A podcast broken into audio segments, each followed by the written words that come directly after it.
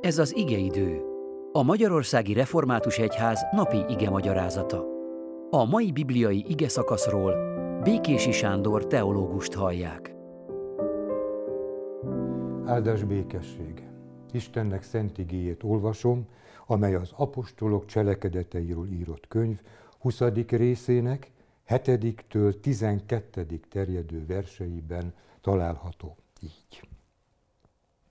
A hét első napján pedig, amikor összegyűltünk, hogy megtörjük a kenyeret, Pál prédikált nékik, és mivel másnap már el akart utazni, a tanítást egészen éjfélig meghosszabbította.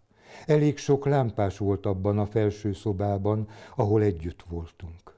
Egy Eutíkosz nevű ifjú pedig, aki az ablakban ült, mély álomba merült, mivel Pál sokáig prédikált, és az álomtól elnehezülve leesett a harmadik emeletről, úgyhogy holtan szedték fel. Ekkor Pál lement, rábolult, átölelte, és ezt mondta, ne zajongjatok, mert a lelke benne van. Aztán felment, megtörte a kenyeret, evett, és még sokáig egészen virradatig beszélt hozzájuk, majd útnak indult. A fiút pedig élve hozták fel, és egészen megvigasztalódtak. Eutíkosz ifjú legény, mai szóval tinédzser, aki kíváncsiságból saját szintjéhez képest harmadik emeleti magasságokba hág föl. A szintet úgy értjük, hogy személyében még nagyon fiatal ahhoz, hogy a prédikáció tartalmát, a felnőtt élet és az Isten tapasztalat kapcsolatát megértse. De mégis nyitott az ismeretre, még ha a gyülekezettől elkülönülve is foglal helyet az ablakmélyedésben, a különcködő kamaszok távolságtartásával. Ráadásul a prédikáció órákon keresztül tart, mert az apostol ezzel a beszéddel búcsúzik szeretett gyülekezetétől, és nem akar elfelejtkezni semmi lényeges dologról.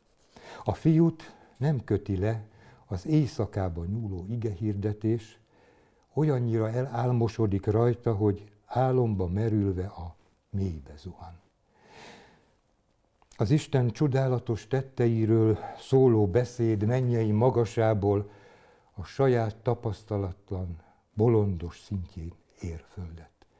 A gyülekezet döbben tagjai halottnak vélik, ahogy valljuk be mi is, sokszor falrahány borsónak tartjuk intéseinket a figyelmetlen kamaszok felé. De nem így Pálapostól. Képes megszakítani a prédikációját, nem által lemászni a harmadik emeletről a fiú szintjére, és nem restelli ráborulva átölelni őt. Immár nem a tarzuszi Pál, hanem a Krisztus él benne. A kamasz akire könnyen legyintünk, akiről könnyen lemondunk. Szóval az ejtett kamasz szívét közt köti össze a saját szívével. És határozottan int. Noli te turbáti, ne zarongjatok, ne hibáztassátok, hogy a komisz kölyke megzavarta az Isten tiszteletet. Ne háborogjatok, hogy milyenek a mai fiatalok. Tudjátok meg, hogy a lelke benne van. Az apostol kimondta a lényeget.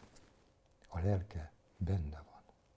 Számunkra ez nem csak azt jelenti, hogy él, hanem azt, hogy az ige magja el van vetve benne. A kamaszos lázadás burka mélyén ott álmodik az ártatlanság, hogy majd, hogy majd egyszer 20, 30 vagy 50 éves korában Csipke Rózsika álmából fölébressze benne valódi személyiségét az isteni lélek, hogy a befogadott hitből elfogadott hit. Pálapostól pedig felmegy újra a harmadik szintre, és miután hálákat adott, megtöri a kenyeret, az Úr szavával, vegyétek, egyétek, ez az én testem, amely ti érettetek, megtöretik, gondoljunk bele.